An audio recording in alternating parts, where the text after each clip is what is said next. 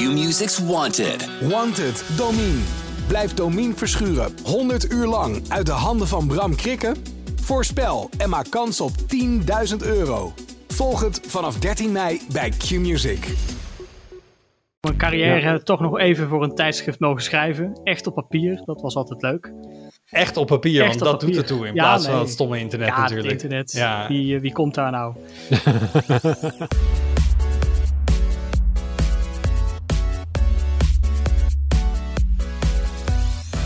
Hoi, leuk dat je luistert. Welkom bij een nieuwe aflevering van de Tweakers Podcast. Mijn naam is Wout. Eh, ik zit thuis en de rest ook.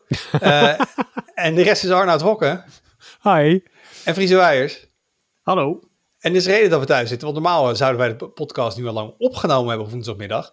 Maar het leek ons een beetje gek om in de week van Google I.O. net voor de keynote een podcast op te nemen, om dan op donderdag over allemaal dingen te praten die niet meer zo relevant zijn. Eh, dus vandaar dat we hem weer eventjes eh, remotely doen en wat later op de avond is. Maar we hebben net allemaal wel de keynote gekeken. Ehm, en eh, ja, het was wel echt een hele drukke I.O. Eh, twee uur aan keynote. AI, AI, AI, AI. Nog een beetje AI met een toetje van nieuwe hardware. Nou, Dus ik daar daar gaan we. meer een AI dan een, A- een IO, eh, Wout. Dus, nice, nice. Nou, daar gaan we het zo meteen allemaal over hebben. Ehm, maar eerst natuurlijk eventjes de post. En er was ook weer veel post. En dat ging natuurlijk eh, vooral over dingen waar wij het de vorige keer over gehad hadden. We hadden ook wat dingen ook gevraagd om, eh, om, om Ja. jullie ideeën bij dingen. En dat ging vooral bijvoorbeeld over early access. Eh, waarbij we discussie hadden van, hè, moet, je dat nou, moet je dat nou doen? En is dat nou een goed, een goed iets? En moet je developers dingen geven voordat het af is? En er waren wat verschillende reacties op. Om te beginnen met ehm Premius IP. Die zegt ja, ehm, wat zeg je? Ik zei niks. Mooi je naam. gaat weer usernames uitspreken en dat vind ik altijd zo leuk. Ja, dit, daar zijn ze niet voor gemaakt en daarom doe ik dat. Ehm, hij zegt, eh, wat ik om me heen zie hierbij, is dat je dan veel tijd steekt in een game die niet helemaal af is. En is hij dan helemaal af, dan ben je er misschien wel op uitgekeken. Vond ik wel scherp. Had ik Ja. niet echt aan gedacht, maar ja, je eerste ervaring met de game is dus met een onaf product. En je, je wil denk ik het liefst gewoon dat als je iets voor de eerste keer ervaart, dat het meteen met een strikje eromheen is en zo mooi als maar kan. Ehm, het is een beetje misschien wat ik heb. Ik draai altijd beta-versies van Android. Dus ik kan me voorstellen, als jij de versie flash, als die net uit is, dan, dan werkt alles, zitten alle features erin. Je flash je telefoon, je reboot hem en je denkt, kijk eens, ik heb een nieuwe softwareversie en het werkt allemaal.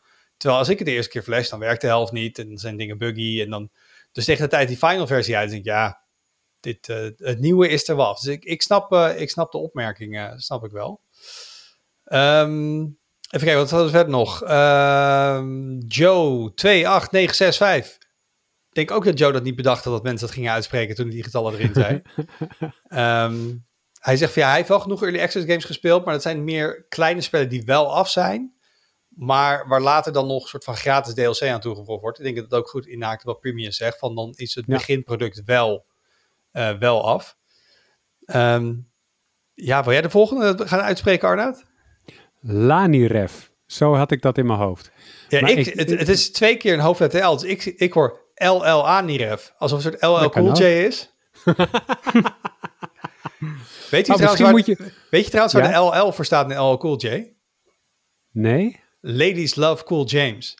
Dus hier, Kijk, hier, staat geleerd vandaag. Dus hier staat eigenlijk Ladies Love Aniref. Voelt toch een beetje als een naam die hij met ChatGPT heeft, eh, heeft bedacht. Maar dat kan niet, want het was ergens in de jaren tachtig van de vorige eeuw, denk ik. Ja, dat wel waar inderdaad. Maar die had een vraag, misschien kun jij die oppakken. Ja, ik ben wel benieuwd hoe jullie aankijken tegen pre-orderen als het spel een lage kans heeft op fouten. Denk bijvoorbeeld aan Diablo 4, die een vrij succesvolle open beta heeft gehad. Of spellen als de nieuwe Zelda, waarbij je zeker, vrij zeker weet dat je krijgt wat er beloofd is. Voor die gevallen zie ik namelijk geen probleem met pre-orderen. Ja, hoe, hoe ik- zie jij dat, Wout? ik, ik ben het er wel mee eens. Ehm, als je echt zeker weet dat ehm, het bedrijf wat jij, eh, waar je je geld aan geeft een hele goede track record heeft. Ja, dan is het pre-order helemaal prima. Dus dan krijg je misschien nog een pre-order bonus. Ehm, dus het, het probleem is dat er maar vrij weinig ontwikkelaars zijn, denk ik, die echt een perfecte track record hebben. Hetzelfde geldt misschien ook voor hardware. Kijk, als jij zegt, ik ben een enorme, enorme Apple-fan en ik koop altijd de nieuwste iPhone. Ja, de kans dat als je een nieuwe iPhone koopt, dat die helemaal buggy is en dat er allemaal dingen aan ontbreken, is gewoon niet zo heel groot. Eh, hmm. Hier ben ik het niet helemaal mee. Als dit, ja, maar vergeleken met het niveautje Cyberpunk, denk je dat we het over andere dingen hebben. Ja, nu zijn er wel eens van die nieuwe iPhones, eh Friso. En jij hebt ze vaker afgelopen jaar in handen gehad dan ik. Die draaien altijd de nieuwe iOS-versie. Die op dat moment ook precies moet uitkomen. En die zijn toch lang niet altijd bugvrij, of wel? Nee, dat klopt. Dat, dat kost dan eventjes een paar maanden voordat het allemaal helemaal goed is. Maar eh, nog even inhakend op Cyberpunk. Want dat is natuurlijk ook een ontwikkelaar die daarvoor wel een goede track record had. En we hebben nu net eh, Redfall hebben we natuurlijk ook. eh, volgens mij was het ook een ontwikkelaar. Ik bedoel, ik ben niet echt thuis in dat soort spellen. Maar volgens mij was het wel een ontwikkelaar die een goed track record had. Dus ik denk toch dat het gevaarlijk is om op basis daarvan je pre-order beslissing te nemen. Nee, ja, ik denk dat eh CD Projekt Red wel een klein deukje heeft eh, opgelopen. Wel een leuk bruggetje trouwens. Want Ja. Blokmeister, die was even in de data gedoken. Eh, want we vroegen ons af, is er dan commercieel verlies gedraaid vanwege Cyberpunk? En die is even naar de aandelenkoers van CD Projekt Red gekeken. En hij zegt, voor de release stond hij op eh 400 Poolse zloty, ongeveer 85 euro. En daarna is hij vrij hard gekelderd tot onder de 200 zloty, ongeveer 42 euro. En nu staat hij op slechts 113 zloty, dus 24 euro. Eh, en nu zegt hij wel, nu zijn markt natuurlijk volatiel en de koers te zien is lastig. Maar hij zegt wel, ik kan me voorstellen dat de verwachting bij Cyberpunk absoluut niet waargemaakt zijn, waardoor het financieel resultaat flink onder verwachting lag. Eh, het is een gevalletje ehm, correlatie versus causaliteit, denk ik. Eh, weten wij 100% zeker dat dit komt door de release? Nee, maar er is denk ik wel een correlatie tussen voor de release en na de release zien we het aandeel wat doen. Dus Ja. doe, er, doe ermee wat je wil. Ehm, maar ik vond het wel interessant dat iemand daar... Ik vind het altijd leuk als mensen op basis van een soort bijzin die wij zeggen... dingen gaan opzoeken en uitrekenen, Excel-sheets gaan maken. En, Nou, wat ik Eh. hier sterk aan vind, is dat zeg maar, eh, eh, dit aandelen hangen af van, van investeerders die die, die, die, die die aandelen kopen of verkopen. En die kijken natuurlijk naar wat ze verwachten van hoe het met het bedrijf gaat. En na de release van Cyberpunk zag het er natuurlijk minder rooskleurig uit. Want nou ja, het ging helemaal mis met die release. En als ik het wel heb, hebben ze ook eh, daadwerkelijk eh, pre-orders terugbetaald. zeker, heeft dat, natuurlijk was wel bijzonder. impact op het financiële resultaat. En ehm, ja, daar rekenen beleggers dan eh, zo'n bedrijf op af. En ik denk dat dat is wat je hier ziet. Althans, ik ben geen financieel expert, maar ik zou me dat kunnen voorstellen dat het inderdaad zo werkt. Ik vond het een goed punt. Ja, en ik vond ook, dat was ook echt gewoon een bijzondere situatie dat ze gewoon nou, zo erg boetekleed aantrokken dat ze ook gewoon geld terug gingen geven. En nou, normaal ehm, als games in slechte staat uitkomen, dan moeten gamers met hun portemonnee stemmen door het niet te kopen. Maar je geld terug, dat krijg je niet heel snel. Was het niet Ehm, ook vanwege druk van de consolebouwers? Ja, voor mij waren die, die, hadden, die hebben op een gegeven moment ook ge- eh, weggetrokken uit de de stores, zeg maar. Eh, omdat het gewoon, ja, het, het, het, het straalt gewoon slecht af op iedereen die er op dat moment mee te maken heeft. Ehm, dus inderdaad, dat zal ook meegespeeld, eh, meegespeeld hebben. Ehm, even kijken, dan nog even wat ook over ChatGPT gehad natuurlijk. Daar hebben we het eigenlijk elke week wel over. Ehm, komt zo meteen vast ook nog terug, want Google, bij Google ging alles over AI. Maar toen zei eh P. Tingen, hij zegt, wanneer je schrijft zitten wel eens kromme zinsconstructies in. Een beetje tekstwerken, die waarschuwt je daarvoor. En als je gebruik maakt van die suggesties, dan zet je het er ook niet onderaan een stuk. Dat Wordje heeft geholpen met twee zinnen die niet zo lekker liepen. Dat ging over de discussie, moet je altijd ergens bijzetten als je eh, generative AI hebt gebruikt om het te genereren.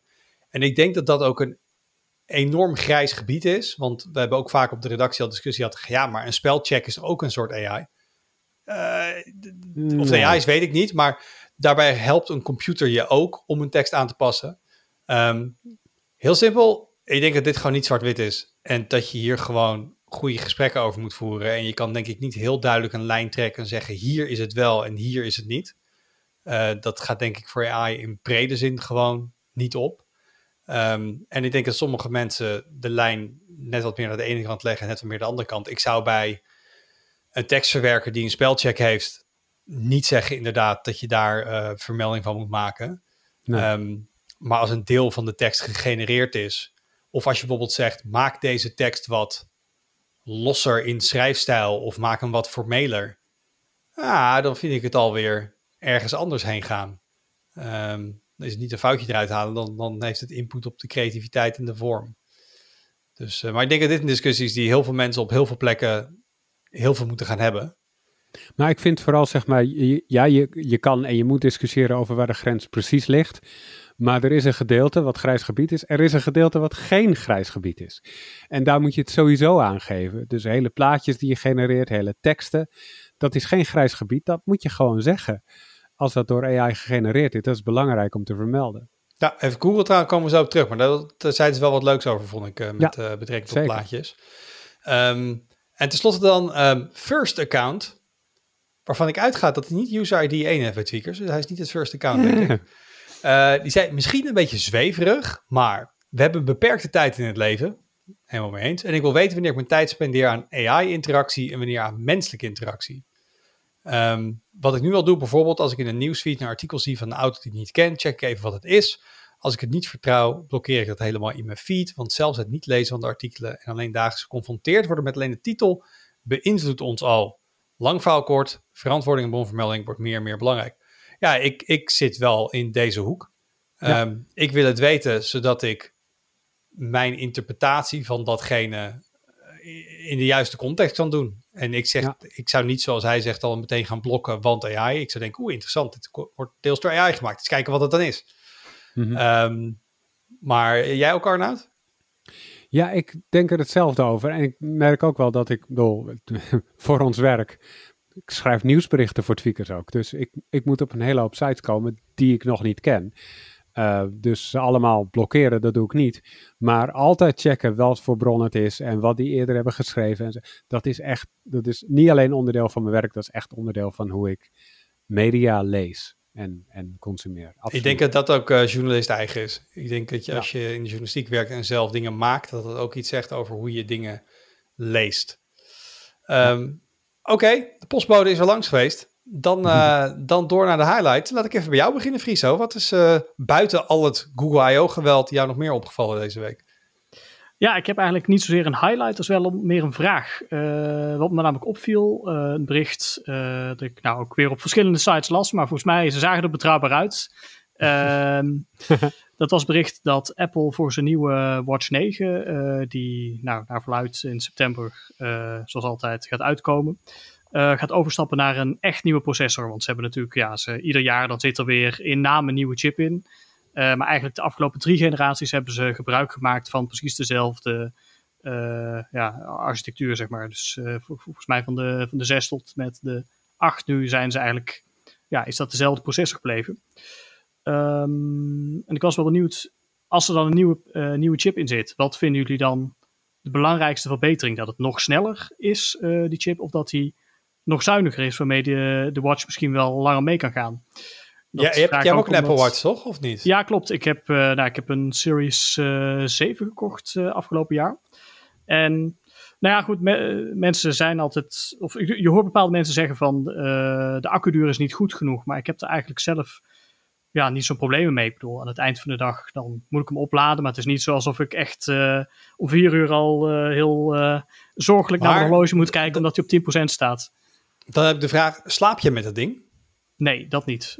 Want dat is denk ik het grote verschil in het gebruik van een moderne smartwatch, die in ieder geval, hè, niet een, een, Garmin die een week meegaat of zo, maar dit soort apparaten. Ik heb dan die Pixel Watch. Ik slaap ermee, want ik vind, ik gebruik hem als wekker. Eén, dus dan moet ik me een pols bidden. En ik vind dingen als sleep tracking interessant. Um, en hij doet nog wat andere gezondheidsmetingen tijdens je slaap, zoals uh, hartritmevariabiliteit, resting heart rate. Um, en ook, ook bij de Apple Watch en bijvoorbeeld ook bij de Pixel Watch, dan, dan wordt het wel kiele kiele af en toe. Als je dus ook de hele nacht ermee slaapt en dan word je misschien wakker met, laten we zeggen, nog 20% accu. Dus dan van de hmm. ene ochtend tot de andere, dan, dan gaat hij dus 24 uur mee, maar je hebt maar weinig over. Ja. Je moet er wel een laat moment vinden. En veel mensen laden s'nachts. Dus wat ik doe, ik sta uh, op, dan uh, gaat hij aan het lader. Dan ga ik douchen, ontbijten, dat soort dingen en zo. En voordat ik de deur uit ga, doe ik hem dan om. Maar ja, als hij dus, als ik met 5% opsta, dan moet hij best wel even laden. En dan heb ik soms niet altijd genoeg tijd om met 100% de deur uit te gaan. Terwijl als hij met 50% maar leeg zou zijn, als hij dus langer meegaat, dan hoef ik ook korter te laden. Dus ik vind het, um, ik, ik heb niet recent ervaring met een Apple Watch, maar ik heb het idee dat als je daar ook always on aan zet op de 8, dat die nou, misschien ietsje langer meegaat dan de Pixel. Een dag, anderhalve dag, maar niet heel veel langer. Um, dus ik zou zeker zeggen, spendeer alsjeblieft, um, als je een nieuwe chip maakt, eh, spendeer zeg maar de, de, de verbeteringen aan, aan accubesparing. Want ik denk niet, ook al ga je niet meteen naar twee dagen plus, het feit dat je dan je dagelijkse laadmoment korter kan maken, uh, zou voor mij in de praktijk heel veel schelen. Maar ik weet niet hoe dat voor jou is. Maar jij laat dus eigenlijk gewoon de, kan de hele nacht opladen als ik het zo hoor, Friso. Ja, klopt. Ja, zou je dan niet, uh, als ik het zo hoor, juist moeten investeren in snelle laden in plaats van een... Ja, ja alle, precies alle, wat ik wilde zeggen. Allebei. Ik bedoel, als hij minder ver leeg is gelopen, dan hoef je minder lang te laden. Je kan ook sneller laden. Uh, het, het zijn allebei manieren om hetzelfde effect te bereiken in de praktijk. Um, en ik moet zeggen, um, de Apple Watches die ik hier gebruik zie, en, uh, ik heb niet het idee dat ze traag zijn.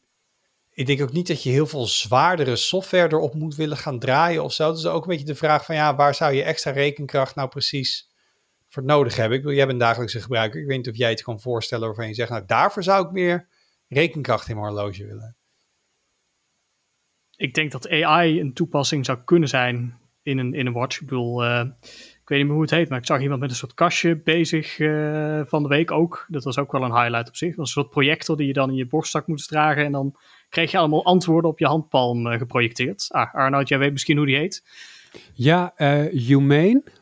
Oh ja, dat ja. zeg ik even, Humane. Maar voor de mensen die het niet, het, het was een soort van TED-talk. Nee, niet een soort. Het was een TED-talk van die, van die CEO. En, um, uh, maar die was niet officieel via het TED-kanaal online gekomen. Maar het waren wel meerdere shots en zo. Dus dat was wel duidelijk, um, uh, duidelijk waar het beeld vandaan kwam. Maar het was wel een vage demo. Dus je moet je voorstellen, de apparaat zat in zijn borstzak, als ik het wel heb. Mm -hmm. En ja, het was een soort projector die dan zo ja. op je hand, uh, dus echt ja, de antwoorden alsof ze op je hand verschenen. Dat was het idee. Uh, ja, alleen die demo's die waren vrij duidelijk heel nep. Um, dus bijvoorbeeld hij uh, vatte dan de dag voor je samen en haalde informatie uit je e-mail client en je kalender. En hij, hij vatte dat als het ware samen um, in een paar punten. Maar hoe die toegang had daartoe en waar hij die data vandaan haalt, dat is niet duidelijk, want het is alleen een projector. Je hebt geen vorm van input behalve spraak. Um, dus op deze manier zou je die setup moeten doen. Hij nam ook een telefoontje aan. Um, en dan zag je op, op zijn hand wie er dan belde en dan drukte hij ergens op. En dat was dan een soort interface. Maar dat legde ze ook niet uit hoe dat dan werkte. Dus ja, ik, ik vond het een leuke demo. Um, maar ik had geen idee hoe dit nou precies werkte eigenlijk. Maar ik haal even terug naar smartwatch chips. Uh, want je zegt, Giezer, ja, als je dus meer AI-toepassingen of, of, of nou, genereren van afbeeldingen hier of input of zo, dat zou interessant zijn. Ja, ik, ik denk of je vooral... dat of je afbeeldingen noodzakelijk op je watch wil genereren, maar ik bedoel, het idee dat je natuurlijk AI-modellen uh, meer lokaal wilt draaien, dat, dat, dat uh, past wel bij de manier denk ik, waarop Apple uh, ermee omgaat om dingen minder dus via het internet Zeker. te laten verlopen dan, dan Google bijvoorbeeld. De vraag, nou, ik, daar komen we ook zo op. Ik heb dit, Google had het ook over versies van Palm die juist bedoeld waren om op, op een telefoon te draaien. Um, ik denk dat de meeste mensen alsnog een smartwatch aan een telefoon gekoeld hebben. Dus dan kun je daar ja. draaien. Maar inderdaad, als je een LTE-watch hebt, die echt helemaal standalone, wil je daarmee de deur uit. En die moet slimme AI-dingetjes doen. Dan, uh, dan heb je een use case. Ik denk voor de meeste mensen dat ze voor accuduur zouden kiezen. Um, want nou, dat is ongeveer bij elke comment onder elk ding met een accu zien we altijd mensen, kan die gewoon niet langer meegaan. dus, uh, en om een of andere reden zeggen fabrikanten, nee, is niet nodig. Dus, uh, Apple in ieder geval die, niet. Ja, ik bedoel, er zijn genoeg uh, andere smartwatches waar je wel een week mee doorkomt. Maar die kunnen dan ook ja. veel minder. Dat is het ook wel. Nou, ik ja. een hele podcast aan besteden. Moet Erik bij aanschuiven hoe slim zijn die dingen dan. Maar dat is een, uh, dat is een ander verhaal. Um, Arnoud. Ja, ik, ik wil je weer eens gaan uitleggen hoe eng TikTok is. Vind je dat, vind je dat, vind je dat goed? Ja, ik vind het goed. Maar ik vraag me gewoon wel af wanneer je die app gewoon gaat verwijderen. TikTok is serieus, je bent niet de enige, maar er zijn meer, meerdere mensen die ik daarover zeggen, ook gewoon in de media. Ja, ik zit erop, ja, ik gebruik het, maar eigenlijk mag het niet. Eigenlijk is het heel slecht. Dus het, het ja. ik vind dat, een, ik vind dat vind, bijzonder. Ik vind het niet bijzonder. Ik vind niet dat we verantwoordelijkheid voor dit soort dingen bij individuen moeten leggen, maar dit moeten we collectief doen. Dus als TikTok eng is en gevaarlijk, dan moeten we dat verbieden. Gewoon zoals het hoort op staatsniveau. En niet omdat je dat voor jezelf beperkt, want dat heeft geen enkele zin. Wat ik doe op mijn telefoon, dat heeft niet zoveel invloed op de wereld als wat Nee, maar dat, dat, dat zijn twee losse discussies. Maar als jij bijvoorbeeld zegt.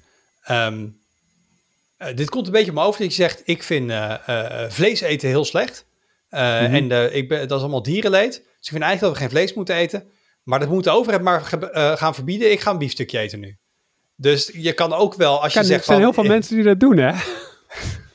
nou, nou oké, dat zou Die ken ik dan weer niet. De meeste mensen die, dat zeggen, die zeggen dan uiteindelijk. Dus ik ga minder vlees eten. Want ik zet mhm. zelf die stap. Oké, maar dat is een beetje een zijstap. Um, jij zit nog steeds op TikTok. Ja, maar daar ging het niet over. Het ging over iemand anders die op TikTok zit. Een andere journalist zelfs. En die zat niet eens zelf op TikTok. Deze journalist van de Financial Times had een account voor haar kat. En dat was gewoon een heel schattig klein account met 100 nog wat volgers. Dus echt niet groot. Niet een grote influencer of zo. Met uh, 10, 20, 30 video's, zoiets. Die allemaal een paar honderd keer zijn bekeken. Niks spannends. Uh, en voor de rest zat ze helemaal niet op TikTok. Alleen voor uh, haar huisdier. En uh, zij schreef verhalen over TikTok en had daarbij anonieme bronnen die bij TikTok werken. En uh, TikTok wilde erachter komen wie die bronnen waren. Zij hadden dus uitgeplozen dat het account van haar was. Ten eerste, dat vond ik al een enge stap, want het staat er niet bij. Uh, ze had de naam nergens geregistreerd staan. Ik denk aan de hand van het e-mailadres of iets in die geest uh, waaraan ze konden zien dat zij het was. Um, en vervolgens hebben ze niet alleen achteraan dat het haar account was. Vervolgens hebben ze ook haar IP-adres gevolgd. Uh, en uh, ge, hoe noem je dat? Aan de hand van het IP-adres haar locatie achterhaald. Om te kijken welke medewerkers daar in de buurt waren. voor de duidelijkheid, dit speelt zich niet af in een of ander eng regime in Noord-Korea of zo. Dit is in Groot-Brittannië. Um, en op die manier hebben ze geprobeerd te kijken met wie zij sprak aan de hand van dus de locatiegegevens. En ergens eind vorig jaar kreeg zij een telefoontje dat dit was gebeurd. Um, en uh, TikTok, of eigenlijk moederbedrijf ByteDance, heeft gezegd dat dit een individuele actie was van vier medewerkers. Twee in China, twee in de Verenigde Staten. Dat ze dat helemaal afkeuren en dat ze die mensen hebben ontslagen. En ik heb heel veel moeite om dat te geloven. Um, want dit klinkt echt als iets wat je niet zomaar kan doen binnen een bedrijf. En als je dat kan doen, dat je dat niet op eigen houtje gaat doen. Omdat dit best wel een ingrijpend iets is in iemands leven. Je breekt echt wel iemands privacy. Um, uh, ik, dit, dit lijkt mij beleid, of in ieder geval iets wat TikTok vaker doet, of als cultuur, niet per se intern afkeurt. Maar daar weet ik te weinig van. Maar zo lijkt het mij. Ja, nou, dus dat was... en, achter, en achteraf dan spijt betuigen. En dan spijt betuigen, sorry zeggen en die mensen ontslaan als een soort van, uh, uh, wat is het Nederlands woord ook alweer voor scapegoat? Zondebok, als zondebok, zondebok. aanwijzen. Ja. ja en, uh, en, en die ontslaan, om er op die manier onderuit te komen.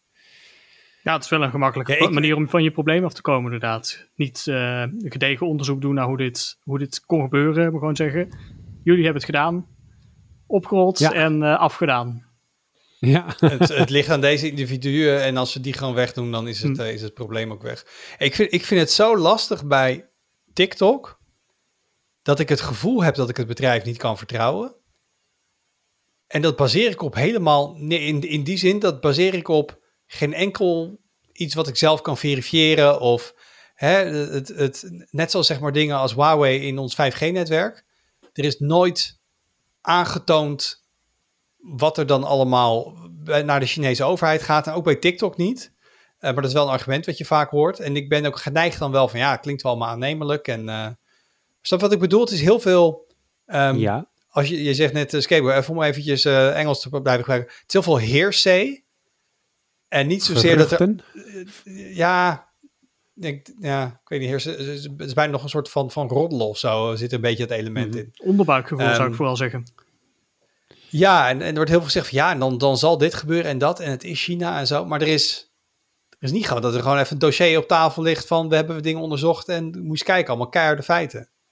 Ja en nee. Maar als je kijkt wat er in die app gebeurt, dus welke data die pakt, welke data die doorstuurt, hoe vaak ze betrapt zijn op dingen als uh, het klembord uitlezen op je telefoon om te kijken wat erop staat. En we hebben allemaal dat soort dingen. Als je dat, als je dat zeg maar, al die privacy dingetjes van de afgelopen vier jaar TikTok bij elkaar optelt, dan krijg je toch wel een soort van dossier. En ik denk ook dat dat het gevoel is wat jij eraan overhoudt. Want het is niet het, voor het eerst dat ik het over TikTok heb op deze manier. Um, ik denk dat dat is waardoor jij eh, dat onderbuikgevoel hebt en dat heel veel mensen dat hebben. Want dit komt gewoon. Nee, maar dat zijn eigenlijk dat zijn, dat zijn negatieve dingen, zoals Ja. eh, je klembord uitlezen, dat soort dingen. Maar als je luistert van waarom moeten we TikTok verbieden? Ja, de Chinese overheid. En ze kunnen door het algoritme aan te passen, kunnen ze grootschalig mensen in het, kinderen in het Westen beïnvloeden. Maar de, de, de, de bewijzen die we hebben, de dingen die zich hebben voorgedaan, die ons doen twijfelen aan van is het wel een heel koosje bedrijf, dat zijn heel ander soort dingen. Hetgene Mhm. waar, waardoor politici nu vragen stellen, dat zijn dingen die dus echt geruchten zijn en een beetje speculatie. Eh, dus het is meer van, het is een beetje van waar roken is, is vuur. Van, als ze doen wat dingen die niet helemaal oké zijn. Op papier zouden ze ook andere dingen kunnen doen die niet oké zijn. Ze hebben een slechte reputatie, dus laten we uit voorzorg maar ervan uitgaan dat het niet oké is. Ehm, en dat doe ik aan mee, hè. Ik bedoel, begrijp me niet verkeerd. Ik heb ook dat gevoel. Maar soms denk ik, eh, hoe, hoe eerlijk is dat om dat meteen door te trekken naar zover? Maar je moet wel bij Chinese bedrijven altijd in aanmerking nemen: het is geen vrije democratie. Het is ook geen vrij ondernemingsklimaat. Als de overheid jou niet goedkeurt, word je niet groot. Als je groot bent en de overheid vindt je niet zo lief, kijk naar Jack Ma, de oprichter van Alibaba, toch een van de grootste Chinese techbedrijven. Die man is gewoon verdwenen. Die is heropgevoed. Ik weet niet op welke manier. Ik denk niet dat het in een klaslokaaltje was. Ik denk dat daar eh, wat schimmigere dingen zijn gebeurd. Maar hij heeft zich sindsdien niet meer kritisch uitgelaten over de Chinese overheid. En geeft nu, als ik het wel heb, les in Japan of zo. Maar hij heeft in elk geval zijn toon enorm gematigd. Um, als de Chinese overheid jou niet goedkeurt als bedrijf, als groot Chinees bedrijf, dan ben je weg. Uh, dus alles bestaat bij de gratie van de Chinese overheid in China. Um, en, en, en daardoor zijn die relaties tussen bedrijven en overheid zijn veel nauwer, veel, er zitten veel meer linkjes en lijntjes dan dat wij in het Westen gewend zijn. En ik denk dat, dat veel politici uh, die het hierover hebben, dat wel redelijk doorhebben, maar veel mensen in het publiek niet, want je denkt gewoon China is een land zoals Nederland, maar dan met een iets andere overheid. Maar de hele manier waarop het daar werkt in de techsector is totaal anders. Ja, nee, fair enough. Dat, uh, dat is zo. Ja, nee, ik, eigenlijk, ik, eigenlijk, ja. Nee, ik wilde er nog aan toevoegen. Als ik me niet vergis, uh, zijn Chinese bedrijven ook verplicht om een soort afdeling van de partij binnen hun uh, bedrijf toe te staan. Beetje zoals we Ja. hier uh, ja, de ondernemingsraad hebben, hebben ze daar de, ja, de partijraad als het ware. Ja.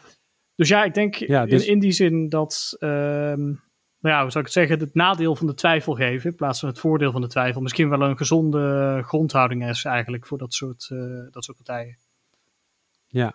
Ja, je ziet toch wel, eh, de, de, de- als er zulke dingen gebeuren met grote techbedrijven in China, en dat is afgelopen jaren gebeurd, eh, die overheid heeft daar haast unlimited power. Eh, en daarmee geef ik hem weer terug aan jou, Wout. Uh, dankjewel, dankjewel. Ik waardeer het zeer. Ja, uh, wat mijn highlight is, ja, het, uh, even een klein beetje nostalgie. Um, er is niet heel veel over te vertellen, maar uh, wie, wie kent het niet? Power Limited, Ja. het Nederlandse game magazine, die gaan 30 jaar aan jaargangen verkopen in digitale vorm op een, ja, op een USB-stick gewoon eigenlijk. Um, ze gaan het archief te koop zetten en toen dacht ik, oh ja, The Power Limited. Dat las ik vroeger uh, als, als kleine Wout. Um, ik denk niet trouwens dat ik dit archief ga kopen. Daarvoor is dit voor mij echt wel iets van ik denk, ja, dit, dit is iets van vroeger. Dit hoeft, dit hoeft niet per se. Uh, en ik dacht ook meteen, ja, maar ik vind het digitaal niet boeiend. Want Mhm. ik associeer Ja. dit heel erg met de tijd dat ik nog tijdschriften las. En vooral dat daar informatie in stond die ik ergens anders niet kon vinden. Want het internet zoals we het nu kennen, dat was er helemaal niet. Um, Ja. En als ik uh, het leuke van tijdschrift was, die teasde ook altijd aan het eind van een editie. En in de volgende editie, dan gaan we voor de eerst beelden van de, de nieuwe Zelda ga je hierin zien of zo. En dan wist je gewoon, ik moet een flip in maand wachten. en, en, en weet je, we hebben, we hebben nu zo'n instant gratification. Als je gewoon iets wil weten, je zoekt het online op en ehm, eh, bedrijven leaken zelf dingen en het wordt allemaal gewoon, het wordt allemaal voor je naar binnen gelepeld. Ehm, en toen was er echt nog iets als, als, als ja, verwachting en, en spanning en uh, of dat ook met PC-tijd. Ja, ik wil even zeggen, hebben jullie dat gekend ook? Waar, waren jullie tijdschriften? Ja, Friso is denk ik net van andere generatie, misschien nou, jonger, maar Arnaud? Daarom wil ik Friso erover horen. Ik heb zeker... Heb je tijdschriften gelezen? Ik heb zeker Power Limited gelezen, ja, maar in, misschien inderdaad niet met het idee van, oh, nu ga ik een maand wachten, want volgende maand staan er screenshots in. Dat, ik bedoel, dat, dat, die tijd... Toen, kon je al op het internet kon je het al vinden, dat was ongelooflijk. We hadden zelfs een PC thuis. Maar jij, Arnoud, jij bent, jij bent al wat ouder. Ja, ik was zeker ook een tijdschriftenlezer. En, en, uh, en ik las de Power Unlimited niet, want die zat niet in een genre wat ik interessant vond. Um, maar het idee van tijdschriften die dan aan het einde... Ik vond de, ik vond de kijk vroeger fascinerend. Ik weet ja, niet. Het, ik heb nog steeds een abonnement op de kijk. En dus, dus zo zit dat. Mm -hmm. Was ook leuk. Ja, ja. En die verwachting die herken ik heel sterk. Dat je dat uit hebt, dat je denkt, oh ja, ik wil nu het nieuwe nummer al hebben. Maar dat is er nog niet. Ja, ik vind dat fantastisch. En wat ik wel uh, grappig, wat ik grappig vind, dat ik dat herkende bij mezelf. Ja, gewoon lekker ook met... Maar ook dat fysiek is. Dus ik, het idee van elke maand digitaal wat kunnen lezen. Nee, het was echt een tijdschrift. Terwijl elke keer als ik mensen hoor praten over hun krant op zaterdagmorgen... met een croissantje en een jus zo lekker door de krant bladeren... dan denk ik altijd, wat? Dat, dat, dat voelt dan zo ver van me afstaan. Dat heb ik nooit gehad. Um, en toen, toen voelde ik me dus een beetje hypocriet toen ik dit zag. En toen dacht ik, oh ja, lekker door je tijdschriftje bladeren in het weekend. En dan previews lezen. Ik, oh wacht, ik ben, ik ben ook eigenlijk gewoon zo. Alleen mhm. dan staat er op mijn papier uh, tech-gerelateerde dingen in plaats van wereldnieuws. En het is wat kleiner en met wat meer plaatjes. Um, dus eigenlijk heb ik opeens ook een, een hernieuwd begrip voor de krantenliefhebber, omdat ik hierdoor eraan herinnerd werd, oh ja, ik vond het ook eigenlijk best wel leuk om met een tijdschrift op de bank uh, lekker te bladeren. Um, doe jij dat nog wel, Arnoud? Lekker de krant op zaterdag? Nee, ik heb wel een tijdschrift van, het, uh, van de, de, de, de, de, hoe noem je dat? De Vereniging voor Journalisten. Um, en dat kan ik gewoon online lezen. Doe ik ook. Ik herken ook veel van die artikelen en dan komt de tijdschrift en er staan er toch allemaal dingen in die ik nog niet heb gelezen. Zit ik hem toch lekker te lezen. Ja, sorry, ik kan daar niks aan doen. Ik ben, ik ben ook een beetje een boomerwoud. Ja, uh, nee. En jij, Fries, jij zegt, jij hebt nog steeds de, de kijk. Ja, klopt. En ik wou ook zeggen, toch eeuwig zonde dat we met het Tweakers en Hardware Info magazine zijn gestopt. Dat waren, ja, in het ja. begin van mijn carrière ja. toch nog even voor een tijdschrift mogen schrijven. Echt op papier, dat was altijd leuk. Echt op papier, Echt want op dat papier. doet ertoe in ja, plaats nee. van het stomme internet ja, natuurlijk. Het internet. Ja. Wie, wie komt daar nou? Nee, maar dat was... Ik, Zo vluchtig. ik vond het altijd wel leuk. Gewoon dat je artikelen die je dan schrijft, uh, ja, echt, echt terugziet op iets wat je fysiek in handen kunt houden. Open bladen, nee, en, geur van papier. En wat daar denk ik wel bij speel, wat daarbij speelt, was vroeger natuurlijk uh, heel vroeger helemaal zo. Niet iedereen had een drukpers. Dus gewoon iets, het stond gedrukt. Dus dat betekent dat er mensen heel veel moeite hadden gedaan om dat gedaan te krijgen. Het zal dan wel ergens kloppen, want anders zou je het niet drukken.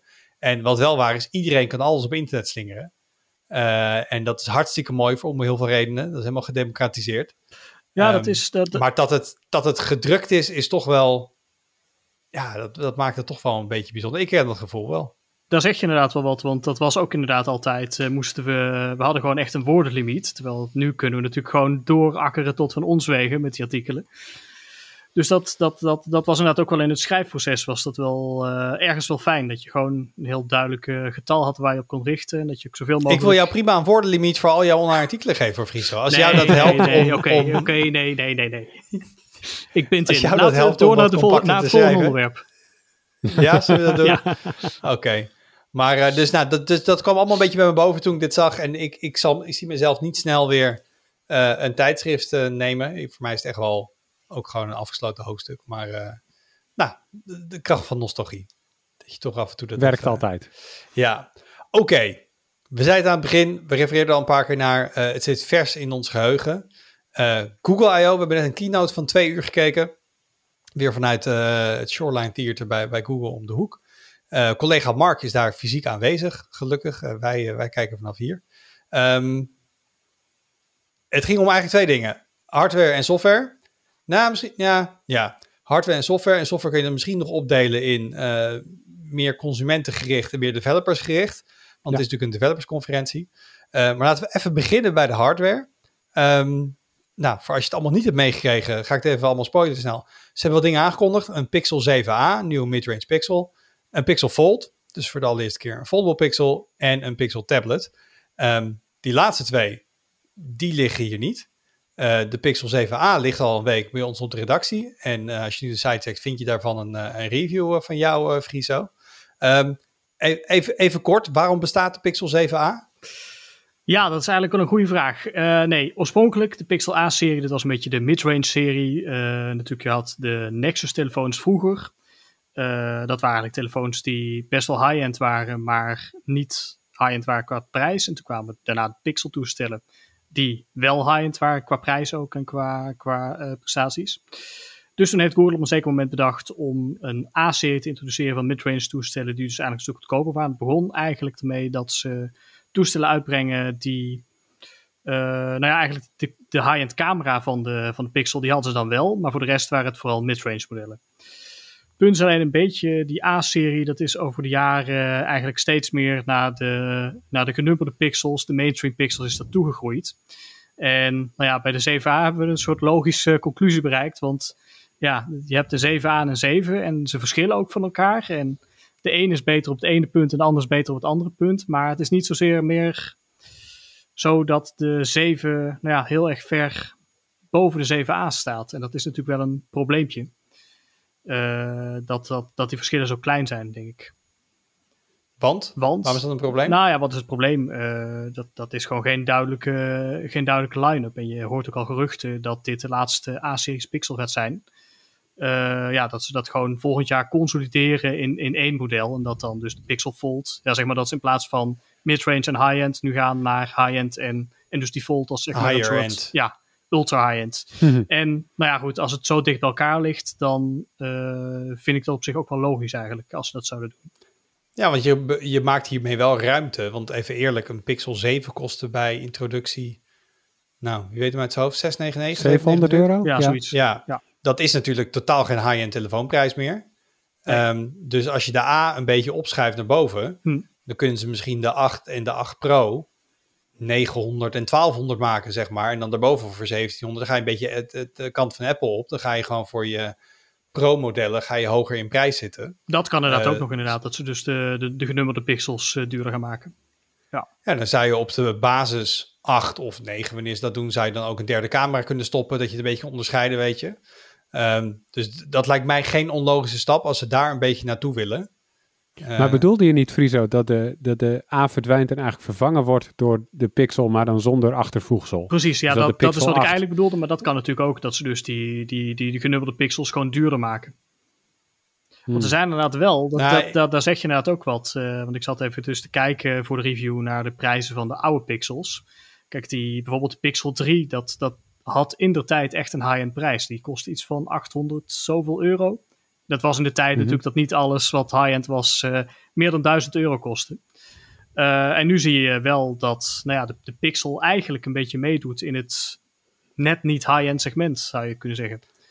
Dit kost zeker En ik zeg het ook omdat er een S23 bijvoorbeeld, tijd- Ultra. een tijd terug een, ehm, een, een roadmap was geleakt. Altijd de vraag hoeveel, hoe waar dat is. Maar daar kwam het verhaal naar buiten dat Google eigenlijk dus ehm, de pixels meer wil opschuiven richting Pro. En dat dus ook de kleine pixel eh, ook de drie camera's willen geven en dat soort dingen. Dat je echt een beetje hetzelfde idee wat, de iPhone, eh, wat Apple doet met de iPhone Pro-series. Eh, dat het echt zoveel mogelijk alles op en eraan heeft zitten. Als ze dat willen doen, dan is het wel logisch om daar aan de midrange, want anders wordt het gat wel heel erg groot. als je iets van eh, 399 hebt en dan iets van 899. Als je daar iets van eh, 500, 550 tussen hebt zitten, dan nou, dat lijkt mij logisch. Maar dat moeten we ook eind dit jaar gaan zien. Als viel me trouwens wel op. Ik dacht, nou, het is eind van Google I.O. Nu gaat Google natuurlijk de Pixel 8 teasen. Want ze doen dat soort, dat soort rare dingen. Maanden van tevoren. Ehm, maar, eh, of de Pixel Watch 2 gaan ze Ja, opeens teasen. ik- Dat zie ik ook nog wel gebeuren. Ja. Ja, maar dat, dat deed ze vorig jaar wel, volgens mij, rondom deze tijd. Maar dat, dat dan toch weer niet. Weet je wat ze vorig jaar ook al hebben geteased? De tablet. De tablet.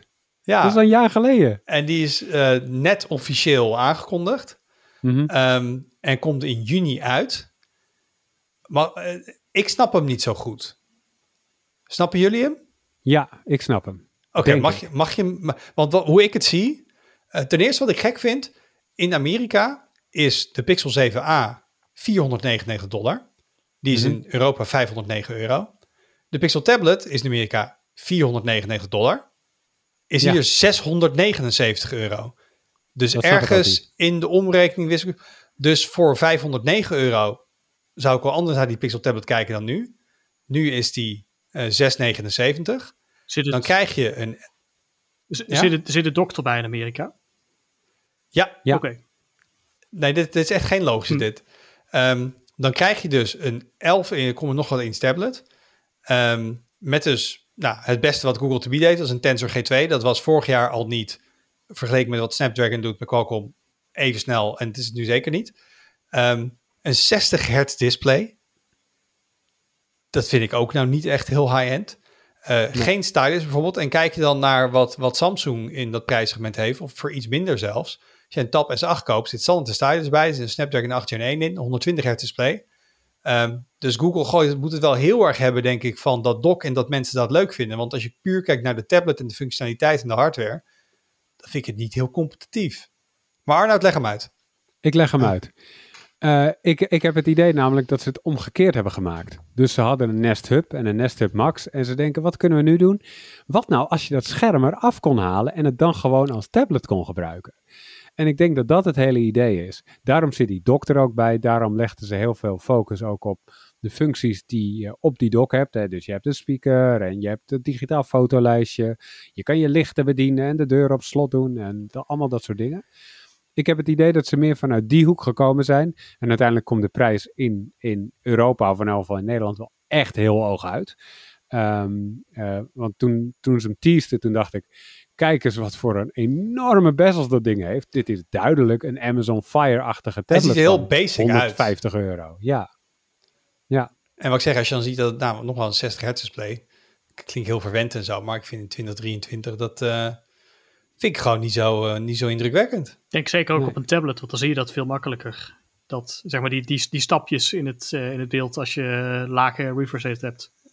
Ja, en daarnaast vind ik het, ik vind het ook niet een echte vervanging van Nest Hub. En dan komt de smart home nerd even mij boven. Maar als ik nu een Nest Hub koop, dan zit daarin een thread radio. En dat is als je een beetje future-proof wil zijn voor dingen als Matter, is het heel handig om een thread router in je huis te hebben. Dus iets wat met thread kan communiceren. Dus als ik nu een, een huidige generatie, een second gen Nest Hub koop, dan heb ik ook al het smart home gebeuren. Het scherm kan niet af. Ehm, maar dan heb ik tenminste wel ook een future-proof dock wat iets kan betekenen in de rest van mij. En ze hebben dus, voor zover ik kan vinden, in het audio dock dat dus niet gedaan. Dus functioneel gezien is het niet precies hetzelfde. En zelfs omdat ze hem ook promoten als dit is een soort smart home display, kijk, je kan alles ermee bedienen, snap ik niet zo goed dat ze dat er weer weggelaten hebben. Want anders dan was het voor mij, zou ik het zeker overwegen om mijn eerste generatie Nest Hub hiermee te vervangen.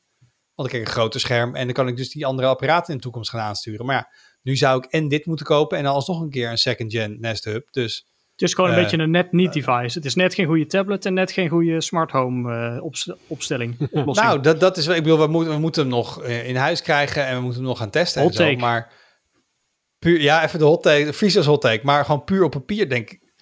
Als, dit is Google die weer de tabletmarkt instapt. Wederom, nou, erin, eruit, erin, eruit, erin, eruit, tien jaar lang. Oké, ze, ze, ze doen weer mee.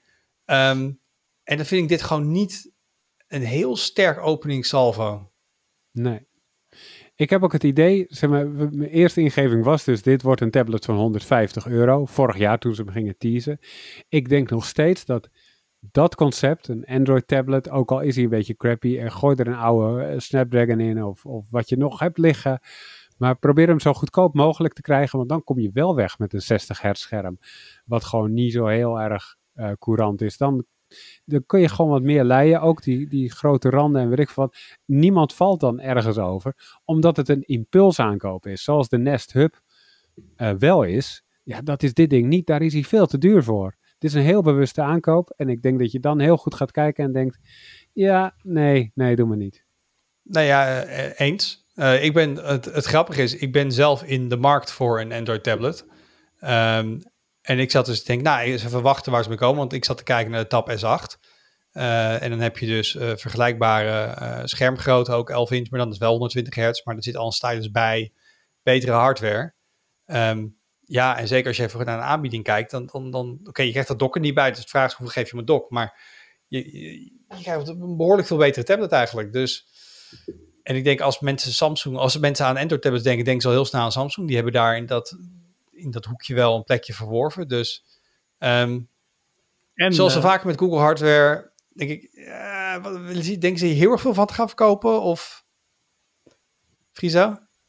Nou, ik denk het niet. Maar ik denk dat het ook vooral, kijk, uh, het is een beetje zoals met de Surface devices ook, denk ik. Uh, ze willen gewoon laten zien, ja, ze willen een soort prototype maken van dit is volgens ons de, ja, weet je, de, de prototypische Android tablet. En uh, nou ja, dan zie maar wat jullie ermee doen. Maar het, het kan in ieder geval. Um, dus dat, nee, ik wil nog zeggen ook, OnePlus heeft er ook een nu. Misschien we hebben hem nu ook liggen trouwens. Ja. Kun je misschien ook even naar kijken. Ja. Die kost ongeveer hetzelfde ik, ik, als de, de, Google tablet. Ik hoorde daar wel weer een geheel Des One Plus. Allerlei eh, las dingen over uh, lelijke schermweergave gaat scrollen en dat soort dingen. De jelly scrolling, weet ik wat het deze keer is. Is het uh, verkeerd onderin um, gemonteerd? het, het, ze, heb, ze, hebben het eerder gedaan. Het zou me niet verbazen. Maar als je, als je het dan hebt over Google die aan de wereld wil laten zien van zo moet je dit apparaat maken, dan komen we natuurlijk aan bij de Pixel Fold. Want dat is denk ik wel de, um, ja, het meest vernieuwende apparaat wat ze hebben laten zien. Relatief gezien. Natuurlijk hadden ze de reclamevideo's twee, drie dagen van tevoren allemaal weer online gezet. Want productinstructies bij Google waar ik niet zoveel van snap. Nou, er is tenminste um, nog geen ehm, teardown uitgelekt, uh, Wout. Zoals van de Pixel 7 nee, 7, twee dagen voordat ja, hij uitkwam. Die, die, was er wel inderdaad. Um, maar het, het, verhaal van de Fold is, is wat mij betreft simpel. Um, Samsung komt deze zomer met een Galaxy Fold 5. We hebben in 2019 de eerste foldable devices gezien. Ja. Uh, Huawei heeft er een, Oppo heeft er een, Vivo heeft er een, Xiaomi heeft er een, Samsung heeft er een. Dus heel eerlijk, Google is late to the party dat is denk ik, dat kunnen we wel concluderen. En als je late to the party bent, moet je uh, of iets heel anders doen en veel beter dan de rest, of je moet op prijs heel erg gaan concurreren. Um, doen ze een van die twee dingen? Op basis van wat jullie gezien hebben? Wat denk jij, Friese? Nou, ik denk wel, um, en dat is niet, ze zijn niet de eerste, want Oppo heeft natuurlijk ook zijn Find en 2 Flip uh, Fold bedoel ik trouwens. Die Flip is die andere.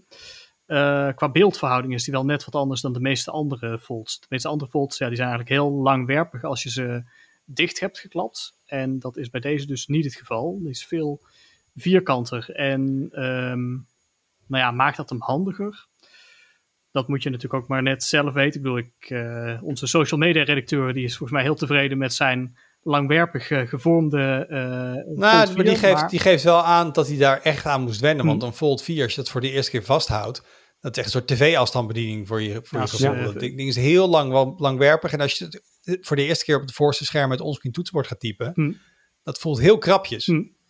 Nee, en daarom, dat is, en daar, dat zeiden ze ook, uh, ik heb de pre-briefing voor de Volt heb ik dan uh, wel bijgewoond vanuit Nederland. En dat zeiden ze ook uh, bij Google, dat ze er echt wilden focussen dat je het apparaat dus ook gewoon heel goed dichtgeklapt kon gebruiken. En daarnaast, ja, want hij is wel volgens mij heel dun. Ja, dat is ook een, ding, terwijl... een ding wat ik ook goed vind aan die foldable. Dat hij dus niet, maar goed, dat gaat, dat gaat Samsung dan waarschijnlijk ook doen deze zomer. Dat ze een foldable hebben gebouwd die dicht kan.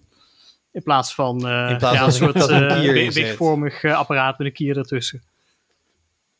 Ja, precies. En hier doen ze dan gelukkig ten opzichte, in tegenstelling tot tablet wel gewoon twee keer 120 hertz OLED display in. Uh, nou, wederom uh, Tensor G2, het best wat Google te bieden heeft. Dat, de G3 was nog niet klaar. Um, maar ik ben met je eens. Ik, ik vind de vormfactor op eerste gezicht, uh, denk ik, beter. Collega Mark, die is er nu bij aan het spelen, die gaf ook wel aan van ja, dit is echt wel fijn. En ook dat die gewoon heel goed dicht kan. Scharnier zit er. Kijk, de eerste Samsung Galaxy Fold was echt een soort prototype device. Dat weten we nog met stof die erin kwam en barsten in het scherm. weet ik niet wat. En stofjes. En Google begint niet op dat niveau. Dat is wel duidelijk. Het lijkt wel een beetje op basis ook van de eerste indrukken dat ze wel op het huidige niveau instappen. Um, nou, ze doen iets anders met de beeldverhouding. Um, maar als je naar de specs kijkt, voor de rest, het, het, ik zie niet, ja, ze moeten ze zeggen natuurlijk weer Google zelf, ja, maar het is Pixel, het is Pixel software. En de software die maakt het verschil. Dus je moet het, uh, daar moet je van houden, denk ik, Arnaud. Ja, ik, ik wil je nog wel even tegenspreken op dat je Google uh, laat op het feestje vindt arriveren. Um, ik denk dat als je een moment zou moeten kiezen waarop, waarop je een foldable begint met maken en je wil niet die hele prototype fase door, maar je wil er wel bij zijn als het groot groeit, dan is dit wel het moment. Oh, um, eens. Want het is, het is nog niet groot, nu als marktsegment. Het kan het wel worden in de komende jaren. Ik denk ook dat het dat gaat worden. En dan is Google er al wel bij. En je kan al leren. Ze zijn ook zeker niet te, te laat, denk ik, in absolute zin. Maar het, is, het valt op dat er gewoon meerdere generaties van andere bedrijven al zijn. Maar ik denk zeker, ben mee, het is nog niet te laat om succesvol te worden in deze markt. Zeker niet. Nee. Ik denk wel dat als ze op dit feestje een beetje laat arriveren, dat ze wel het verkeerde feestje hebben uitgekozen. Want ik heb het idee dat de, de, de ware actie op het gebied van vouwbare telefoons, het, het volume, ehm, dat dat zit bij de klaptelefoons en niet bij de uitvouwbare tablets.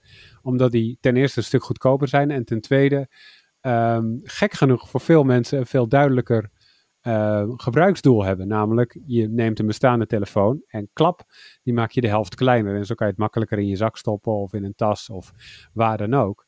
Um, dus ik heb het idee dat daar veel meer um, aantrekkingskracht nu is in de markt dan bij deze stijl van vouwbare telefoons, die uh, vind ik heel handig zijn, maar ook heel erg duur zijn. Ja, hebben, uh, moeten we even noemen. We hebben het nog niet genoemd, toch? 1899 euro. Ja, bizar. Dat is een paar honderd euro meer dan wat Samsung, Samsung voor de Galaxy Fold vraagt. Ja. Uh, dat is ongeveer, dat is meer dan twee keer een Pixel 7 Pro kopen. Ja. Um, het is echt, echt, ja, belachelijk veel geld eigenlijk gewoon. En, en dat, dat, daarmee heb ik ook zoiets van, ja, het, het scharnier ziet er echt goed doorontwikkeld uit. Ja, de hardware klopt voor de, voor de rest. Ja, de beeldverhouding lijkt goed gekozen. Um, maar wederom, het onderscheidend vermogen is niet enorm. En het is de allerduurste van dit soort foldables voor mij die er nu zijn. Ja. Dus ik snap, eh, wat willen ze? Willen ze laten zien, dit kan het ook zijn en dit is inspiratie, we verwachten niet zoveel te kopen? Of willen ze, dat ik ook altijd een beetje met Google op hardware, van willen jullie dit nou echt? Ja, willen jullie hier nou groot marktaandeel in veroveren? In Nederland uh, verwachten ze er zeker niet heel veel te verkopen. nee, want daar komt hij ook nog eens niet uit, zoals we wel gewend zijn met sommige dingen. Dan moet ik zeggen tegen... Je elektriciteitskosten nog meerekenen, Wout. Om naar de, nou, de mediamarkt in Bochum te rijden, want in Duitsland wel. Dus dat is op zich, als je Vroeger reden we... Ja, vroeger reden we altijd even naar Duitsland. Tegenwoordig volgens mij, uh, hoe heet die, FNAC in Frankrijk, die stuurt dit soort dingen prima naar Nederland op. Dus uh, als je in Nederland het... Eigenlijk is hij gewoon prima te koop, want je kan gewoon online naar een webshop klikken en je moet twee dagen langer wachten, wordt gewoon bij thuis bezorgd. Dus de, de, de grens is heel laag. Maar ja, um, 1899. Dat, um, dus ik ben, we gaan hem zeker in huis halen. Uh, we gaan hem zeker reviewen. Uh, ik ben heel benieuwd bijvoorbeeld naar de accuduur. Ja, uh, klopt. Er zit een kleinere accu in dan in de Pixel 7 Pro. Met dezelfde chip en veel meer schermoppervlak. Dus ai, ai, ai dat is op... Ja. Nou, ik ben benieuwd. Die chip die ook niet bekend staat als de zuinigste. Want je zegt net, er is weinig mis met de hardware. Nou ja, goed. Dat weet ik nog niet. Maar goed, we, we gaan het zien. Ze hebben kleinere camerasensors erin gestopt. Ten opzichte van de, de Pixel 7 Pro en de Pixel 7. Dus um, ik, uh, ik ben benieuwd. Ik, ik ben niet compleet blown away op dit moment. Dat wil ik nog wel even aanstippen, want ik hoorde het ook in jouw video, Wout. En uh, het, het, staat natuurlijk ook in jouw review, uh, Friso. Um, de, de, Google heeft vijf jaar lang, denk ik, ongeveer, dezelfde camerasensor gebruikt voor zijn telefoons. En nu hebben ze drie nieuwe telefoons, of drie nieuwe, of twee nieuwe telefoons bedoel ik. Maar allemaal verschillende sensoren erop? Allemaal verschillende sensors. Het is all over the place ineens. Dit is toch totaal niet Google, of wel? Nou, ik denk dat zij intern heel duidelijk een keuze hebben gemaakt. We gaan dit anders doen. Ik denk dat, ik moet wel zeggen, de, de persoon die over de camera softwareontwikkeling in de AI ging, die is ook weg daar de laatste twee jaar. Uh, die is naar Adobe gegaan volgens mij. Uh, ik kan me voorstellen dat zijn lijn van ontwikkeling was, we pakken één sensor, we optimaliseren ons helemaal een slag in de ronde een paar jaar lang rond dit dingen. We gaan alles fixen met software. En het voelt wel alsof daar nu een andere wind waait. Dat iemand gezegd heeft, nee, we, onze software stack, we, we, we bouwen het anders op. Dat we veel flexibeler zijn en onze modellen kunnen trainen op meerdere typen sensoren. En we kunnen veel meer inspelen op nieuwe hardwareontwikkelingen. Wat ik uiteindelijk wel misschien de meest interessante weg vind. Want nu kun je inderdaad ook gebruik maken van hè, uh, het gerucht gaat dat een Pixel 8 Samsung GN2 krijgt. Wat uh, bijna een 1-inch sensor is, net iets minder groot. Ja, dat, dat, weet je, we hebben ook gewoon met natuurkunde te maken. En grotere camerasensors vangen gewoon wel meer licht. Um, dus ik vind het wel een interessante wending. Maar inderdaad, de main camera op de Pixel 7a is anders dan de main camera op de Pixel 7 is. Anders dan de main camera op de Pixel Fold. Uh, de frontcamera's zijn anders, de ultrawides zijn anders. Ze hebben een hele grabbelton vol met camerasensors daar op de hardwareafdeling. En dat is wel echt een, een, een, een nieuwe weg inderdaad. Ja, opvallende ontwikkeling. Ik wou het nog even aanstippen. Zeker, dus um, um, denk voor zover even de hardware. We gaan het allemaal in huis halen. We gaan het allemaal testen. We gaan het allemaal uitgebreid reviewen. Um, maar eigenlijk was de hardware bijna een soort staartje van de, van de hele presentatie. Ja. Want uh, Arnoud, het, het was AI, AI, AI. Ja, klopt. Ja, het is, het is ook wel heel duidelijk, want de, uh, Google is een beetje onder druk komen staan afgelopen maanden. Uh, de, de, Bing Chat van, van Microsoft, die trok heel veel aandacht. Er was een gerucht dat Samsung um, Google wilde dumpen op Android-telefoons, op Galaxy-telefoons, als zoekmachine ten gunste van, van Microsoft Bing. Um, en je, kunt je, de, je kunt je voorstellen dat dat echt wel een beetje paniek heeft veroorzaakt. ChatGPT is natuurlijk de grootste oorzaak. Wordt nu een soort iPhone-moment genoemd voor AI. En Google was daar niet bij. Uh, terwijl ze al jarenlang uh, heel veel bezig zijn met AI, heel veel uh, aan de wieg hebben gestaan van heel veel ontwikkelingen, heel veel dingen intern wel hebben, niet hebben uitgebracht. Um, kortom, dat bedrijf staat erg onder druk. En ik ik zag het in deze keynote, zag ik het echt wel terug. Ze wilden aan de wereld laten zien dat ze heel hard bezig zijn met die AI, dat generatieve AI in alles komt te zitten wat ze maken. En dat het alles gaat veranderen wat ze doen. Dat zegt natuurlijk iedereen, maar zij kunnen het zelf maken en zich niet baseren op, op uh, het spul van OpenAI. Um, en ja, ik, ik, dat wilden ze wel duidelijk laten merken. En dat, daar was deze keynote echt wel op, op ingestoken. Ja, ik had wel ook het idee misschien dat ze een aantal dingen naar voren hebben getrokken. Maar ze waren hier overduidelijk ook al wel mee bezig. Als je ziet hoeveel features hier al uh, gepresenteerd werden. Daar zit wel een tijd lang aan ontwikkeling in. Wat ik verder interessant vind, als je kijkt naar... Kijk, OpenAI is een heel ander bedrijf. Kijk, wat, wat Microsoft doet met OpenAI... is eigenlijk wat Google in zijn eentje doet. Dus OpenAI zegt, kijk, we hebben een taalmodel... Nou oké, we hebben dan een chat interface ervoor gebouwd, want iedereen heeft nu over ChatGPT. Dat is zeg maar als mensen het over AI hebben, dat is het enige wat ze kennen. Maar ChatGPT is heel erg. Een soort van blank canvas. Ja, je kan daar eigenlijk alles mee en niks mee en je moet het zelf maar bedenken. En wat een Microsoft doet en Google nu ook, zijn heel duidelijk bezig met nee, we gaan het integreren in een bepaald stuk software voor een heel specifiek doeleinde. Um, en dat vond ik bij Microsoft al heel sterk binnen de Office Suite. En dat zie je nu ook in Google Workspace. Want heel veel ging over hoe gaan we dit toepassen in Google Workspace. Het ging niet verdraaid veel over Bart. In de zin van een chatbot waar je dingen tegen kan zeggen. Dat was eigenlijk, ja, Bart in meerdere talen beschikbaar. Uh, of in meerdere landen, dat werd even gezegd. Maar het ging heel erg over, oké, hoe gaan we deze backend heel specifiek op bepaalde plekken in bepaalde software inzetten. Uh, dus dat is niet nieuw, dat doet Microsoft ook. Maar ik vind het wel heel sterk, want ik denk bij ChatGPT soms, oh ja, tof. En dan log ik weer eens in, dan probeer ik wat. Maar omdat het zo alles kan en weinig toegespitst is, gebruik ik het merk ik niet heel veel. Dan moet je zelf heel erg je use cases bedenken en daarvoor inzetten. Terwijl als er in Google Slides um, Google Imagine uh, komt waarmee je plaatjes kan genereren en denk ja, eigenlijk zou ik wel van een afbeelding in deze slide willen waar X en Y op staat en kan letterlijk de prompt intikken en erin zetten. Daarvan denk ik in ieder geval dat ik dat veel vaker in de praktijk zou gebruiken. Ik weet niet hoe jij dat ziet. Ja, ik zie dat absoluut hetzelfde. Ik denk ook dat AI het meest nuttig is in dat soort toepassingen. Dus op het moment dat je, dat je eventjes, uh, eventjes wat wil in een stuk software en je weet precies wat je wil en hoe je dat moet vragen, um, dan kun je bij AI denk ik heel goed terecht. Uh, ik denk ook, zeg maar, dat Google daar zo de nadruk op legde. Uh, dat kwam ook omdat het heel duidelijk te laten zien is. Ze wilden duidelijk dingen laten zien. Want ze hadden ook Palm 2, hè, de, hun, hun GPT-4 eigenlijk. Ehm, daar hadden ze het kort over, maar dat is dan een abstract onderwerp. Binnen drie minuten was Sundar Pichai ermee klaar. En dat was het dan ook een beetje. Daar kwamen ze niet door. Het, het is de basis Ja, van ze alles zeiden, we wat hebben Palm willen laten 2, zien. dat is ons nieuwe LLM, ons nieuwe large language model. Ze zeiden inderdaad wel, even terugkomen op de smartwatch. We hebben verschil- verschillende versies van dingen die lokaal Ja. op een smartwatch kunnen, of een smartphone kunnen draaien, tot dingen in het datacentrum. En de rest was een uur lang. En dit is hoe wij het inzetten en hoe we er jou mee gaan helpen. Ja. ja, dat vond ik een bijzonder opvallend iets. En eh, die- ze proberen het er ook echt wel. Ze proberen het aan elkaar te koppelen door het AI te noemen. Ik weet niet of dat zeg maar ehm, werkt.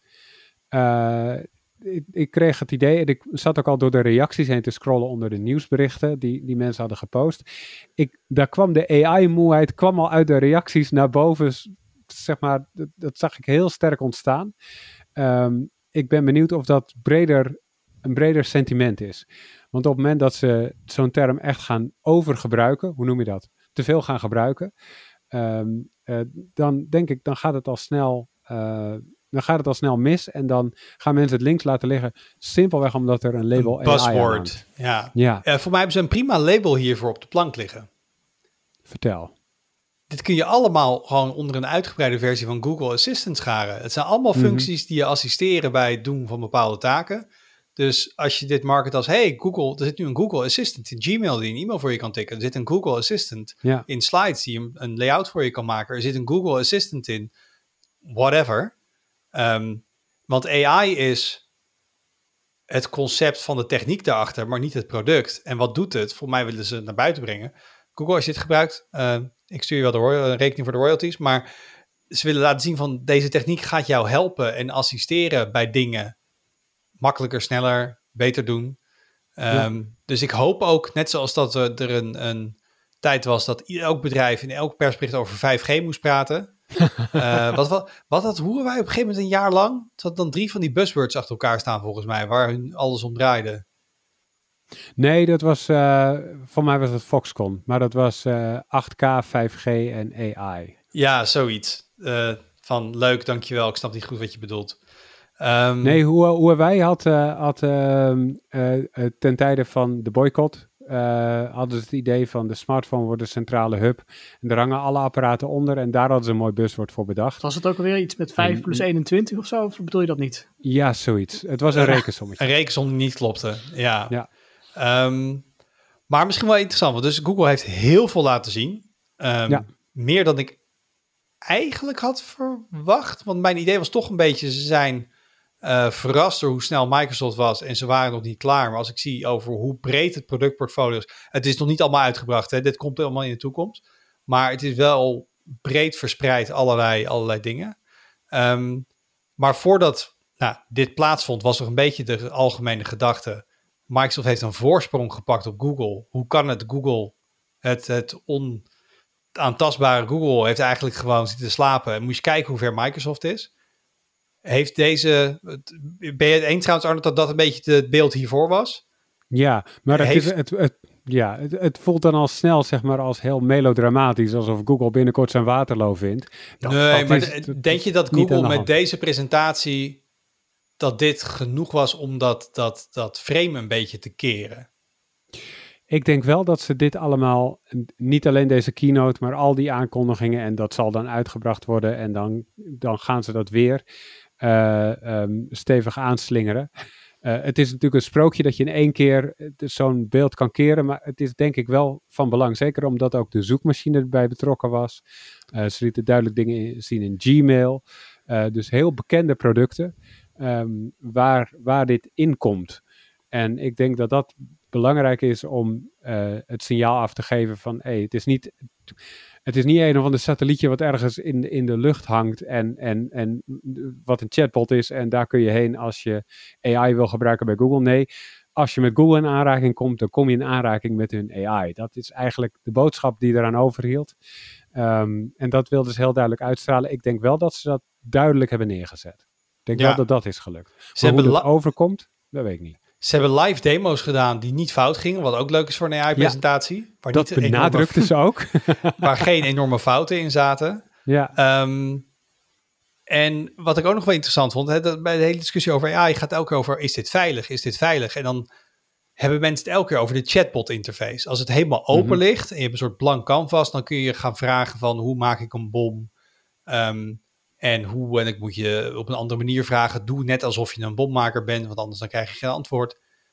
Wat ik wel sterk vond aan de presentatie, is doordat het zo inzoomde op hele specifieke functionaliteit, mhm. kwam die gedachte helemaal niet bij me op over veiligheid. Uh, bij Bart speelt dat wel, want ze hebben ook een chatbot, kun je ook allemaal dingen vragen.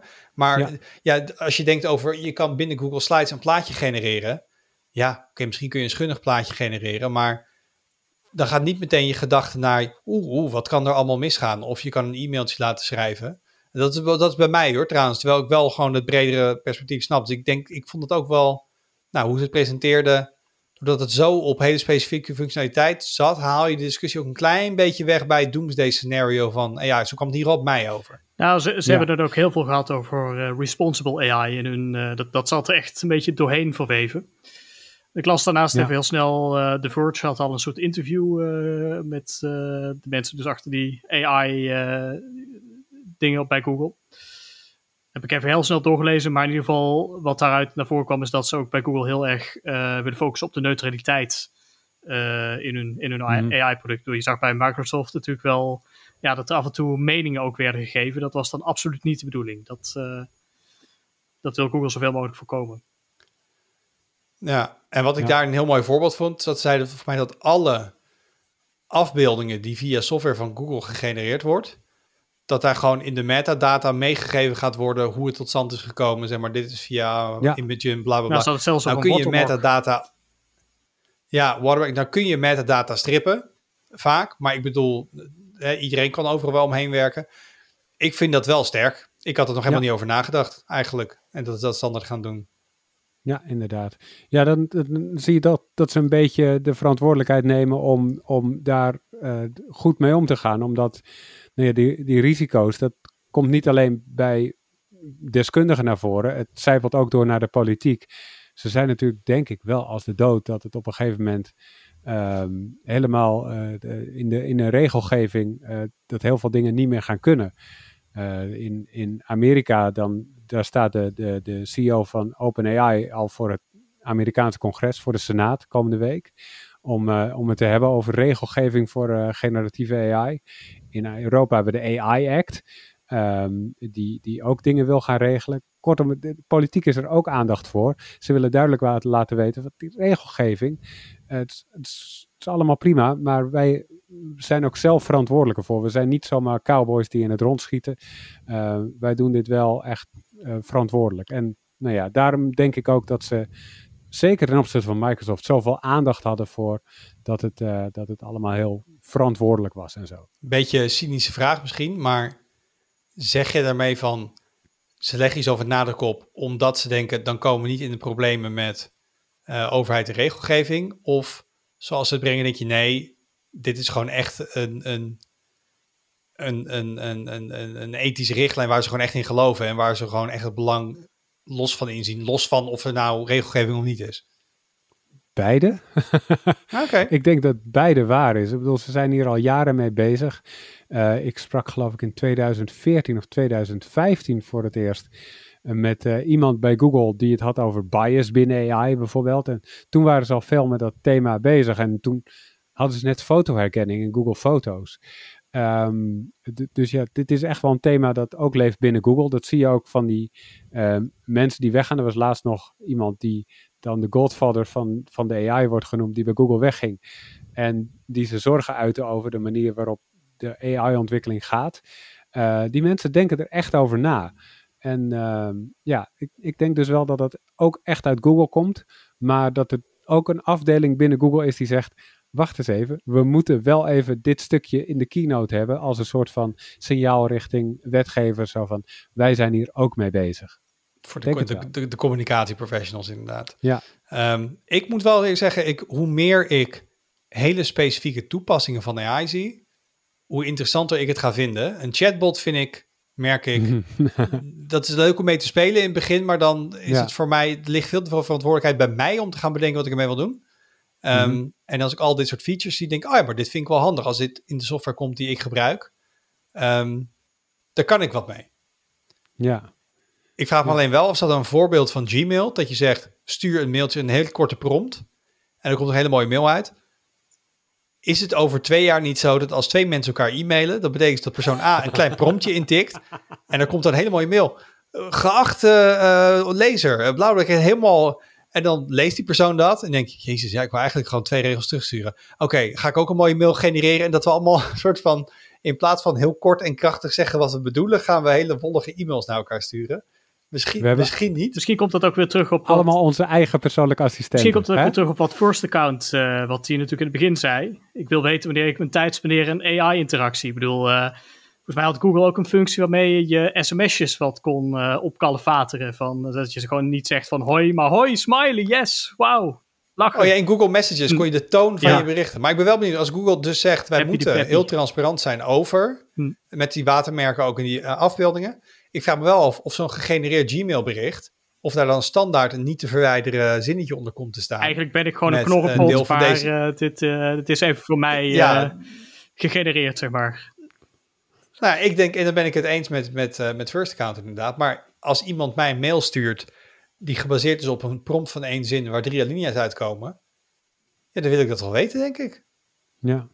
En daar, dat, dat, Ja. nou, bij, bij dat soort features hadden ze nog niet gezegd hoe ze dan daar de transparantie gaan doen. Maar daar gaan we denk ik, ehm, of nou willen of niet, de komende jaren heel veel over horen. Ik denk dat we hem hier even moeten, moeten afhechten. Er was heel veel gezegd.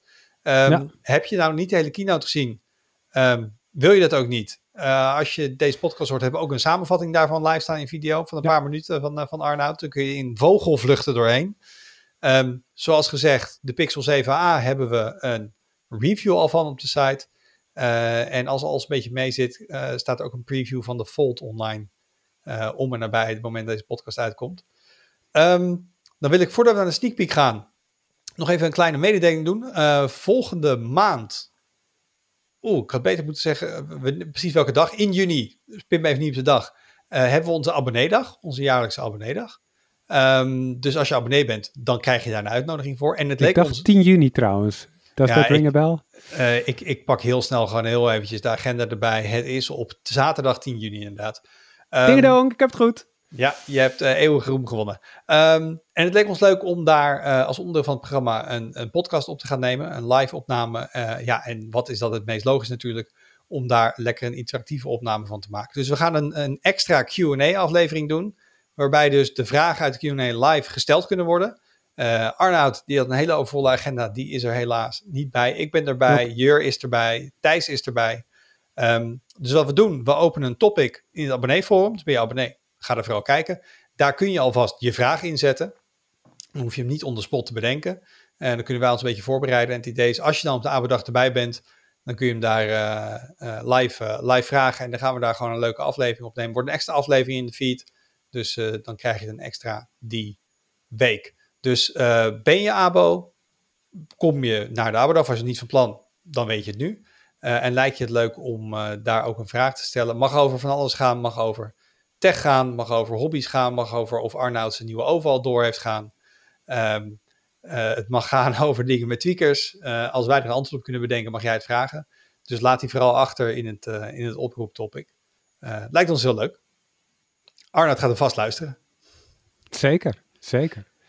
Ja, en dan hebben we eigenlijk de sneak peek. Maar we, we hebben het al gezegd, hè? Eh, we hebben, eh, ja, de Volt staat misschien nog online. Ik bedoel, de dingen die nog online komen. Ja, ik ben nu, as we speak, Android 14 Beta 2 op mijn telefoon aan het installeren. Die zag ik net binnenkomen. Mhm. Dus ik ga kijken of we daar nog iets mee kunnen doen. En of daar veel nieuwe user-facing features in zitten. Dus ik hoop daar de komende dagen nog iets mee te doen. Ehm, er wordt gewerkt door Hyde, volgens mij, nee, door Mark, aan een eh, review van de game Redfall. Ja. Maar had Friso het net daar ook over. Ook zo'n game waar nogal wat rondom te doen is qua de staat waarin die verschijnt. Ehm, en eh, dit weekend ook een, eh, een, een interview van Jeroen met de community lid over een thuisaccu. En dat is ook iets waar heel veel over gediscussieerd wordt op het forum. Ehm, Ja. Want ja, iedereen heeft wel het idee van, hé, hey, ik heb zonnepanelen en ik wil eigenlijk wel een accu, want dan kan ik het gewoon thuis opslaan. Maar ze bestaan, maar het is zo makkelijk nog niet. en je hebt allemaal kant-klare dingen, je kan het ook zelf maken. dus daar in het interview van Jeroen meer over. Maar was dat hem wel toch zo? Dat lijkt me ook. Ik zie al de ogen steeds kleiner worden aan de andere kant van de webcam. dus misschien willen mensen ook een keer uh, gaan slapen. Dankjewel voor het luisteren. Uh, heb je feedback, kun je altijd even mailen. Podcast.tweakers.net of een berichtje achterlaten onder de video of op de site. En uh, je hoort het volgende week weer. Doei.